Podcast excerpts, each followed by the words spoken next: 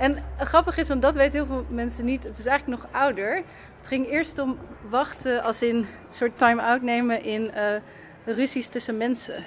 Dus als je familieruzie had met iemand anders, dan moest je quarantaine zo'n 40 dagen afkoelen. afkoelen. Niet vechten, geen gedoe. En dan, uh, dan kon het weer. Welkom bij Anderhalf NAP, de podcast waarbij we wetenschappers bevragen over de effecten van corona op de stad. Mijn naam is Sjoerd en ik ben kunstenaar. In april 2020, als al mijn exposities zijn afgezegd, neem ik net als de rest van Nederland een podcast op. Gewapend met praatstok en plofkap wandel ik met onderzoekers van het Center for Urban Studies en het Amsterdam Center for Urban History van de Universiteit van Amsterdam door verschillende buurten in de stad en kijk door hun ogen naar onze stedelijke omgeving. Alleen anders dan bij andere podcasts voeg ik een nieuw element toe: tijd. Of vooral het verloop ervan en welke invloed dit heeft op ons denken. Ik spreek de wetenschappers in die eerste onzekere golf in 2020 en dan, een klein jaar later, weer in die altijd maar voortdurende tweede of inmiddels derde golf in het voorjaar van 2021. Deze observaties breng ik samen met een geluidsontwerp gemaakt door Jeske de Blauw. In deze aflevering wandelen we begin mei 2020 met historicus Janna Komans door de Nieuwmarktbuurt. Ik spreek met haar over een andere pandemie, de pest, en wat voor erfenis die in de stad achterliet. Welke vergelijkingen kunnen we met de huidige crisis trekken? En is het überhaupt wel nuttig om over een crisis te spreken? Maar laten we bij het begin beginnen. Wat voor een stad was Amsterdam in de middeleeuwen? Zo'n middeleeuwse stad zijn heel klein. Er wonen zeg tussen de 10, 20.000 mensen in een grotere stad. En uh, bijvoorbeeld iets als Amsterdam heeft maar nou zeg 5000 mensen. Het is echt een soort dorpje. Een houten stad moet je er sowieso bij voorstellen. Maar deels uh, in steen gebouwd. De meeste mensen zijn, hebben gewoon, zeker vergeleken met nu, een hele kleine leefruimte. Dus je, je staat, uh, en veel faciliteiten die we nu hebben thuis, gewoon badkamer, uh, water, koken, hebben veel mensen helemaal niet. Dus je bent sowieso veel meer aangewezen op, op hoe je met je buren leeft. Of ja, je bent veel meer misschien wel buiten op een bepaalde manier. in die zin druk en toch ook wel veel meer dan veel mensen zouden denken uh, mobiel, dus zeg maar ook naar buiten toe. Dus mensen reisden relatief veel. Er zijn zeker wel niet zoveel toeristen, maar wel veel buitenlandse reizigers en handelaren ook. Dus wat dat betreft is er al wel drukte.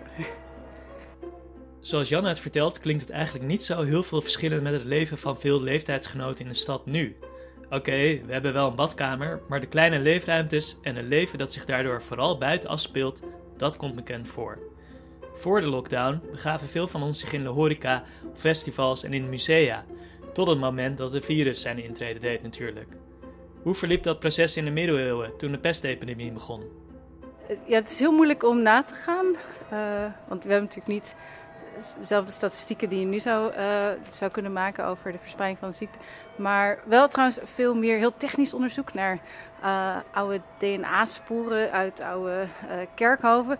En het is gewoon heel duidelijk dat, dat epidemische ziekten zich ja, over Europa verspreiden. En dat dat vooral ook handel en, en andere economische uitwisselingen volgt.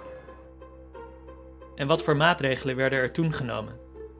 In het begin is het natuurlijk markering bijvoorbeeld van huizen. Dus als er iemand ziek is, dan moet je een bos stro op het huis. Dan kan iedereen zien uh, dat daar iets uh, gebeurt waar je uit de buurt moet blijven.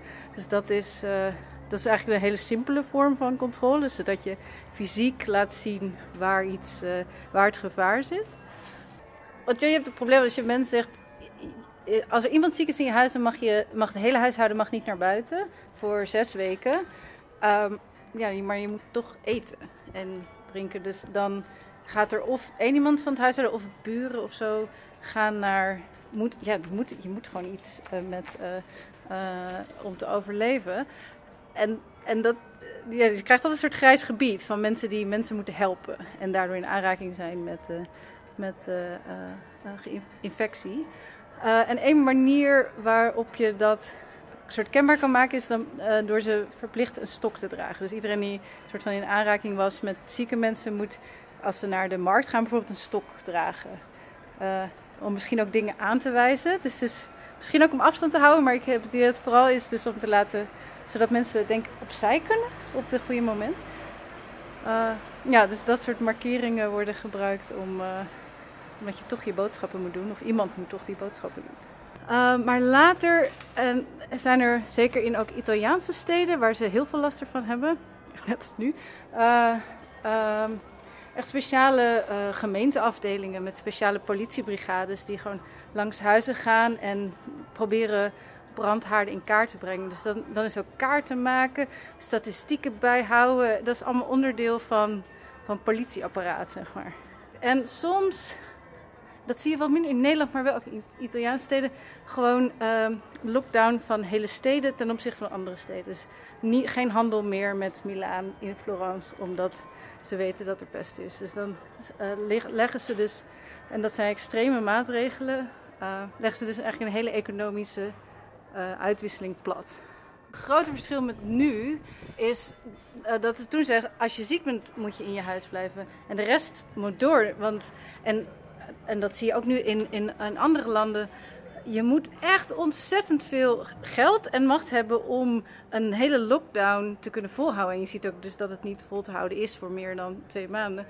Dus, uh, en, dus landen die dat niet hebben, zoals in India of zo, dan zie je dat het ook onhoudbaar is. Of extreem gewelddadig. In de zin van dat je mensen dus iets verschrikkelijks aandoet. En hun in hun eerste levensbehoeften ja, niet kan voorzien. Omdat je. Uh, om, ten behoeve van het grotere goed. Dus daar komen enorme uh, spanningen vandaan. Uh, dus ja, nee, in die milieustad zou je ook nooit. En ik denk misschien inderdaad 50 jaar geleden ook niet. Het idee überhaupt dat je in een economie bent waar je tegen een groot deel van de mensen kan zeggen: stop er maar even mee of doe het thuis. Ja, dat, dat, is, eh, dat, is, dat is heel nieuw, denk ik, dat dat überhaupt kan. Uh, eh, VOC had ook, het grappige, want het is nu geen eiland meer. Uh, het eiland Wieringen, dat is nu deel van Noord-Holland, dat was het quarantaine-eiland. Dus. En er is, in de Rotterdamse haven is ook een quarantaine, dat is daarna een vrijplaats geworden. En nu wordt het een hotel. Dus uh, die gaan. Maar dat was, dat is het begin 20e eeuw was nog een quarantaine-eiland. Dus als je met een schip uit een risicogebied, dan moet je 40 dagen daar wachten. En dan mag je verder. Dus zowel goederen als mensen. En grappig is, want dat weten heel veel mensen niet. Het is eigenlijk nog ouder. Het ging eerst om wachten als in een soort time-out nemen in uh, ruzies tussen mensen. Dus als je familieruzie had met iemand anders, dan moest je quarantaine zo'n 40 dagen afkoelen. afkoelen, niet vechten, geen gedoe. En dan, uh, dan kon het weer. Misschien is ook 40, da 40 dagen een beetje de max wat je mensen in een één kleine ruimte kan aandoen. Een heel schip met scheepsbemanning. Uh, Die zijn het na 40 dagen echt ook wel weer heel erg zat. De quarantaine moest dus de dreiging van buitenaf tegenhouden. Het valt me sowieso op dat angst vaak begint met iets wat van buiten komt. Maar op een gegeven moment slaat het over en zijn we ook angstig voor groepen binnen onze eigen samenleving. Personen die geen afstand houden in een supermarkt, dagjesmensen die massaal naar het strand gaan, hangjongeren die buiten in groepjes samenkomen en iedereen die zich vooral in onze eigen ogen niet netjes aan de regels houden. Hoe gaan verschillende groepen met de crisis om? Janna begint met te vertellen over hoe het denken over gezondheid van het begin af aan politiek is en hoe bepaalde sociale klassen in de middeleeuwen als onderdeel van het probleem werden gezien. Ja, dat is wel interessant. En dat zien we denk ik nu ook, voor het, of dat, dat ervaren we nu ook meer, dat publieke gezondheid eigenlijk elke stap in het proces is best wel uh, politiek, zeg maar. Het heeft te maken met ja, dat je mensen, uh, ja, zeg je dat? moet, moet beperken. Of dat je probeert hun dagelijkse manier van hoe ze leven beïnvloeden ten behoeve van bescherming van de, van de groep, zeg maar. En, en dat is eigenlijk, en dat gaat toch vaak gepaard met best wel veel ja, macht om mensen. Ja, je moet toch wel de macht hebben om mensen of te overtuigen, misschien door ze ja, dus met een bepaalde ideologie. Dus zeggen van het is belangrijk en iedereen vindt het belangrijk genoeg om te gehoorzamen. Maar toch ook wel met uh, met machtsmiddelen. En het is dus niet zo dat iets als gezondheidszorg op een gegeven moment politiek wordt. Ik denk dat het eigenlijk al vanaf het eerste begin is van de eerste soort van identificatie van wat een probleem of een dreiging is, is het eigenlijk al politiek. En dat geldt denk ik uh, voor nu zowel als ja, voor zes eeuwen geleden. Die lage klassen uh, hebben vaak ook hebben te weinig invloed, politiek ook om uh, te voorkomen. Het gebeurt niet altijd, maar het gebeurt toch wel vaak dat zij inderdaad geassocieerd worden met, met het probleem, met de crisis, als groep. Dus dat is al een soort van de eerste stap. En als je het hebt over ruimtelijkheid, is het ook wel heel interessant dat ze vaak deel worden van in ieder geval ook de visuele associatie van het probleem. Zeg maar, de, de manier waarop zij leven, de manier waarop zij de ruimte gebruiken. Ehm, bijvoorbeeld meer op straat leven, dichter bij elkaar wonen. Noodgedwongen, dus niet, dat is absoluut geen vrije keuze, maar dat, dat wordt dan, uh, daar wordt naar verwezen als een van de oorzaken van het probleem. En, de, en in hoeverre zij worden, die groepen worden betrokken of juist worden uitgesloten in de oplossingen, dus de, de nieuwe, uh, de ideaaltype. En, en een van de oplossingen is dus heel vaak ook visueel of ruimtelijk, dus van... Uh, de schonere stad. In, en dat is voor, die, uh, voor de zeg maar steden en de steden vandaag. Er zit, er zit best wel een duidelijk idee over orde en ook ja, de esthetiek en een soort idee van reinheid. Uh, is wel belangrijk en is best heel krachtig ook. En als je daar niet bij hoort als groep, dan word je ook vrij hard zonder pardon. Uh, ja, is daar gewoon geen plek meer voor. Dus als je daar niet tegen kan verzetten, politiek, dan, ja, dan sta je dus heel zwak. Op 23 februari 2021 schreef Ilja Leonard Vijver het volgende: Het virus maakt de wereld lelijk. De angst voor besmetting is van plexiglas. Waar ooit fluweel en gruitbrokaat mochten verstoffen, worden thans in paniek steriele en makkelijk afwasbare materialen aangebracht. De ooit zo smaakvol ingerichte tavernes zijn verpest door spatschermen. Het is maar goed dat ze gesloten zijn. Ik heb het met Janna over hoe ze in de middeleeuwse stad tegen deze vorm van hygiëne aankeken. Uh, een van de ideeën waar ziekte vandaan komt, is dat het uh, voortkomt uit ja, vormen van bederf en stank. Uh, maar er wordt ook heel veel geproduceerd binnen steden. Dus het is niet zo dat. Vuil is onderdeel van een stad. En er is ook geen enkele premoderne stad die, die denkt dat je een stad zonder vuil kan maken. Maar wat je dus meer ziet, is meer een soort zoning. Dus dat er op bepaalde plekken moeten schoon blijven. En de, de straat en de marktpleinen en zo. Dus er komt een soort van. Eigenlijk al heel snel. En dat is niet alleen met crisis, maar heeft ook te maken met ja, een soort prestige en economische uh, bloeiende stad heeft schone hoofdwegen en een schone markt. En uh, voor het stadhuis is het netjes. Dus er zit wel degelijk idee van, uh, van, van orde gerelateerd aan, aan de stad schoonmaken. En dat er geen spullen of gebruiken of verkeerde plekken moeten zijn. Dus een soort orde. Iedereen moet op zijn, zijn dingen op de goede plek doen, zeg maar. Dus er is langs de Nieuwmarkt, de zijstraat is de bloedstraat, want je moet natuurlijk wel vers vlees verkopen. Dus het moet dicht bij de, de, de, de vleesmarkt geslacht worden. Maar het bloed moet in de bloedstraat, want anders uh, krijg je misschien uh, ziekte. Uh, geen germs, maar wel bederf. Dus wat dat betreft, ja, is er wel een idee van orde. Maar vuil is daar wel onderdeel van. Bijna elk nieuwsbericht noemt de coronacrisis. Maar moeten we eigenlijk wel over dat woord praten, een crisis? En hoe verhoudt die crisis van toen zich met die van deze tijd?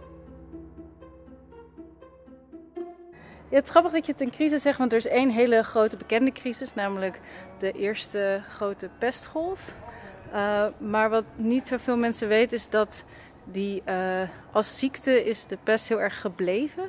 Uh, tot, ja, tot het einde van de 17e eeuw, is bijna elke tien jaar, komt er een, uh, zijn er epidemieën in steden. En op een gegeven moment uh, is het echt ook iets waar men wel mee leert om te gaan. En ja, dus, ze ontwikkelen echt een soort systeem om, dat, ja, om de impact daarvan een beetje onder controle te houden. En de verspreiding als ze weten dat het uit gaat breken. En wat dat betreft vind ik ook crisis is ook wel moeilijk. Want nu, soms lijkt het, en dat is ook voor geschiedenis, alsof er iets totaal nieuws gebeurt met crisis. Maar je ziet natuurlijk vaak dat spanningen die al bestaan worden uitvergroot. Dus dat er niet per se iets. We zitten niet in een ander universum. En dat geldt denk ik ook uh, soms uh, ook voor geschiedschrijving. Als je alleen het over een crisis hebt, alleen een crisis beschrijft en helemaal niet uh, ja, daarvoor en daarna, dan, dan mis je dat soms. Dat het, dat het ook vaak de toepassing is, zoals quarantaine, van ja, mechanismen of politietechnieken die eigenlijk al bestaan op een nieuwe situatie. en überhaupt als je heel groot denkt over crisis, zelfs die allerverschrikkelijkste crisis van de, de 14e eeuw, waarbij bijna 40% van de bevolking, soms nog wel meer in sommige delen, sterft aan, binnen een paar jaar. Zelfs die crisis en die daarna hebben er niet voor gezorgd dat die steden ophielden te bestaan. Dus wat dat betreft heb je eigenlijk niet zoveel aan het woord crisis. Want er zijn bijna geen crisis in de geschiedenis waar men niet van uh, herstelt. Uh, ze creëren altijd voor bepaalde groepen uh, mogelijkheden en opties voor vernieuwing. Misschien ook opties voor emancipatie. Dus andere groepen de, de ruimtes die ontstaan kunnen innemen. Dus wat dat betreft, inderdaad, door, door crisis tegenover normaal, als soort van twee opties, krijg je inderdaad een heel verkeerd beeld van wat een crisis doet en van wat normaal is. dus daar moet je echt heel erg mee oppassen. Crisis wordt pas echt erg, en dat geldt zeker ook voor de pest, in combinatie met andere crisissen. Dus als er politieke spanning is en er al daardoor weinig oogst is, zijn en mensen gewoon vatbaarder om ziek te worden. Dus voor epidemische ziektes gaan er sneller aan dood. Dus uh, zelfs iets als de pest, wat toch duidelijk gewoon uh, doden veroorzaakt, uh, is de impact op zo'n stad en ook op hoe zo'n stad leeft, vooral ook te maken met wat er voor de rest aan, aan crisis of juist aan stabiliteit is. Um, en, en, Amsterdam en ook veel andere Nederlandse steden is, liggen allemaal aan water. Dus zeg maar de, de, rivieren en de kanalen en zo, dat, zijn echt, dat is een soort van de snelweg. Um, en ja, ik denk, en dat is misschien wel interessant ook met nu. Uh, er is altijd een beetje de vraag wat je in uh, beweging houdt, zeg maar. in een stad. Een stad kan eigenlijk niet zonder beweging. Dus van goederen, van mensen. Uh, maar beweging is als je een ziekte probeert te bestrijden ook uh, belangrijk om in te perken. Dus dat niet de verkeerde zieke elementen te veel bewegen. Uh, dus daar proberen ze ook, denk ik, in zo'n middeleeuwse stad een soort onderscheid in te maken. En dan was vooral dus de zieken niet zozeer afzonderen in ziekenhuizen of aparte plekken, maar wel dus thuis blijven. Eigenlijk net als nu het, ligt er ook heel erg aan als je het hebt over blijvende sociale en dus ook ruimtelijke interacties. zeg maar sociale, hoe we met elkaar omgaan in een stad, buiten ons huis. Is of dit terug gaat komen. Als, er iets is wat we, als dat vaccin of langer op zich laat wachten, of eigenlijk maar voor een beperkte groep betaalbaar wordt of iets dergelijks.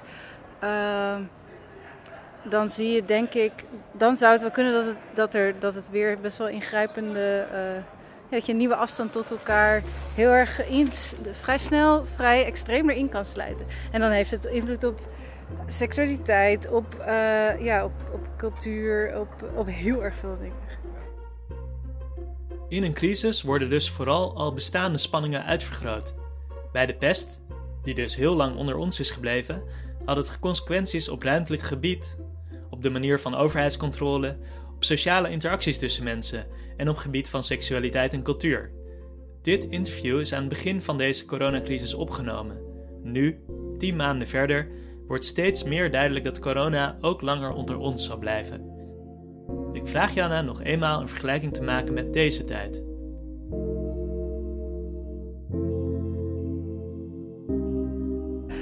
Het is heel grappig, het is een soort van in elkaar gevouwen lijkt dat jaar. want nu lijkt het gewoon, omdat we in de is dit de tweede lockdown officieel? Ja, dus de tweede lockdown zitten. Het, het, lijkt ook wel weer heel erg op de eerste. Het is iets drukker. Voor mij persoonlijk is er best wel veel veranderd omdat ik een, een kindje heb gekregen. Dus dat maakt het iets minder dat het allemaal een Groundhog Day voelt. Um, maar ja, het grappige is dus dat vergeleken bij dus tien maanden terug, toen voelde het allemaal nog relatief nieuw. En toen was er nog een soort verwondering op allerlei soort manieren, denk ik, over wat er aan de gang was. En nu is er een soort van, ja, bijna een soort van apathische ja, vermoeidheid ingeslopen. Zeg maar. je, bent, hoopt gewoon dat het over is. Uh, en over niet zo lang.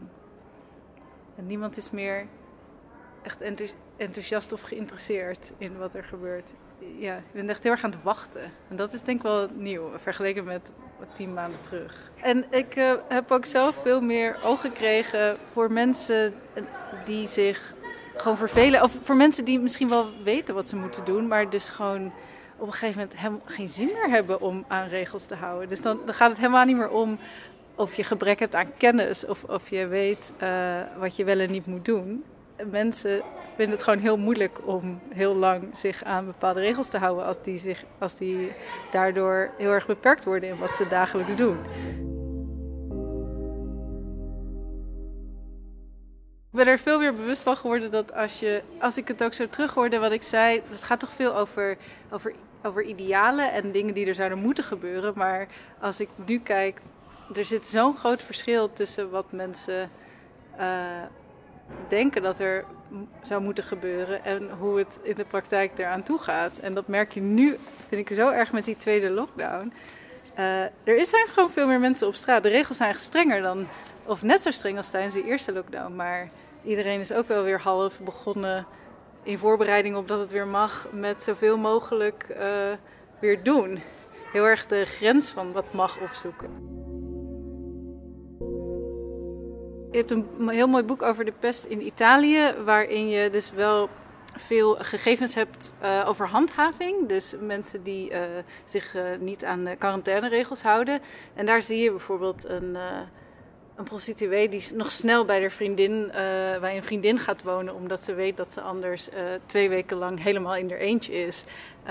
dus wat dat betreft zie je dus dat mensen toen ook gewoon heel erg proberen toch voor zichzelf goed te regelen. Ook omdat ze op een gegeven moment gewoon weten wat er allemaal gaat gebeuren. En nu, nu weten wij ook een beetje wat er met lockdown gaat gebeuren. Dus wat dat betreft. Uh... En daarnaast zijn er natuurlijk allerlei, en dat hebben we de afgelopen tien maanden gezien, heel veel best wel hele onlogische dingen in, in het beleid. Dus als we er misschien over 50 jaar op terugkijken, dat we denken. Hoe is het mogelijk dat ze dat ooit hebben toegestaan? Misschien dingen als luchtvaart of uh, met scholen. Misschien juist daar ook zeggen bij scholing, hoe is het mogelijk dat ze het zo lang hebben dichtgegooid?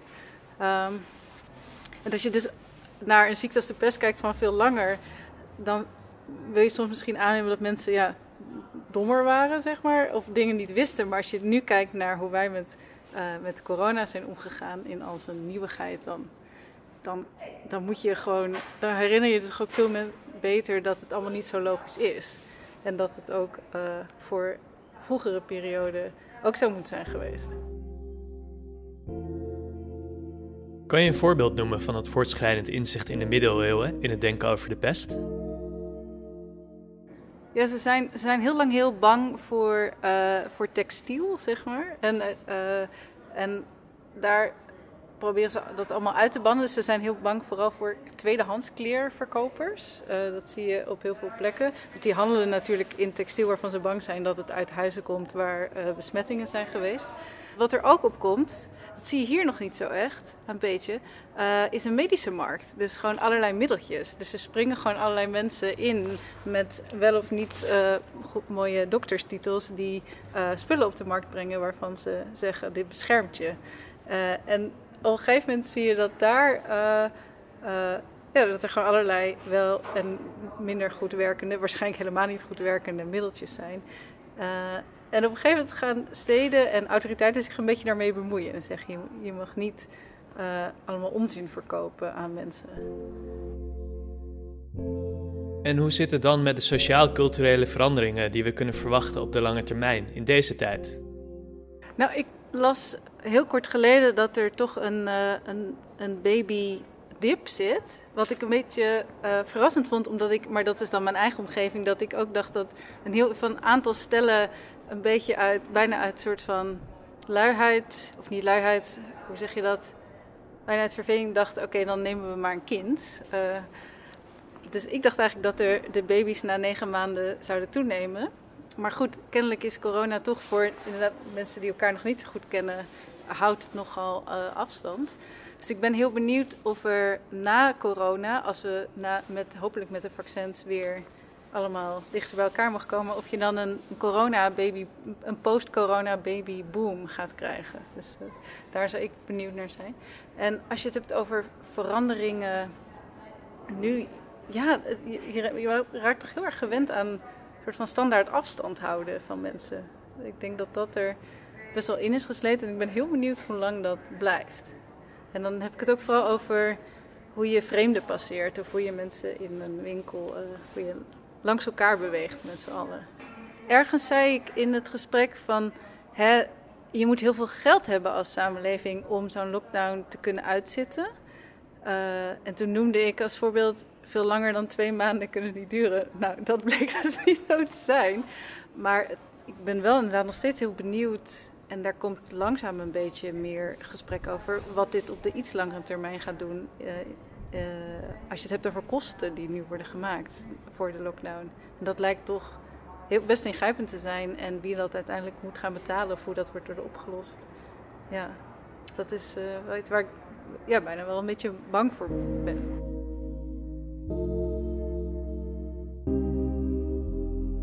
Weet je, ik denk dat je bijna zou kunnen zeggen dat überhaupt het idee dat de overheid moet zorgen voor uh, mensen en dat dat niet in de handen van allerlei aparte, meer religieuze instellingen moet, dat dat onder andere door de pest uh, wordt veranderd. Dus überhaupt uh, het idee dat er iets als volksgezondheid moet worden uitgebreid en dat er allerlei voorzieningen moeten zijn en die moeten betaald worden door een overheid. Dat, dat wordt heel erg gestimuleerd door zo'n terugkerende ziekte als de pest. Tot slot, zo'n radicale verandering in perspectief, zouden we die ook in deze tijd kunnen verwachten? Ja, voor institutionele verandering en hopelijk ook uh, voor wat meer, meer preventief uh, kijken naar hoe je dit soort uh, pandemieën kan voorkomen. Dus dat er wat dat betreft ook aan de kant van het voorkomen hopelijk wat meer aandacht wordt besteed.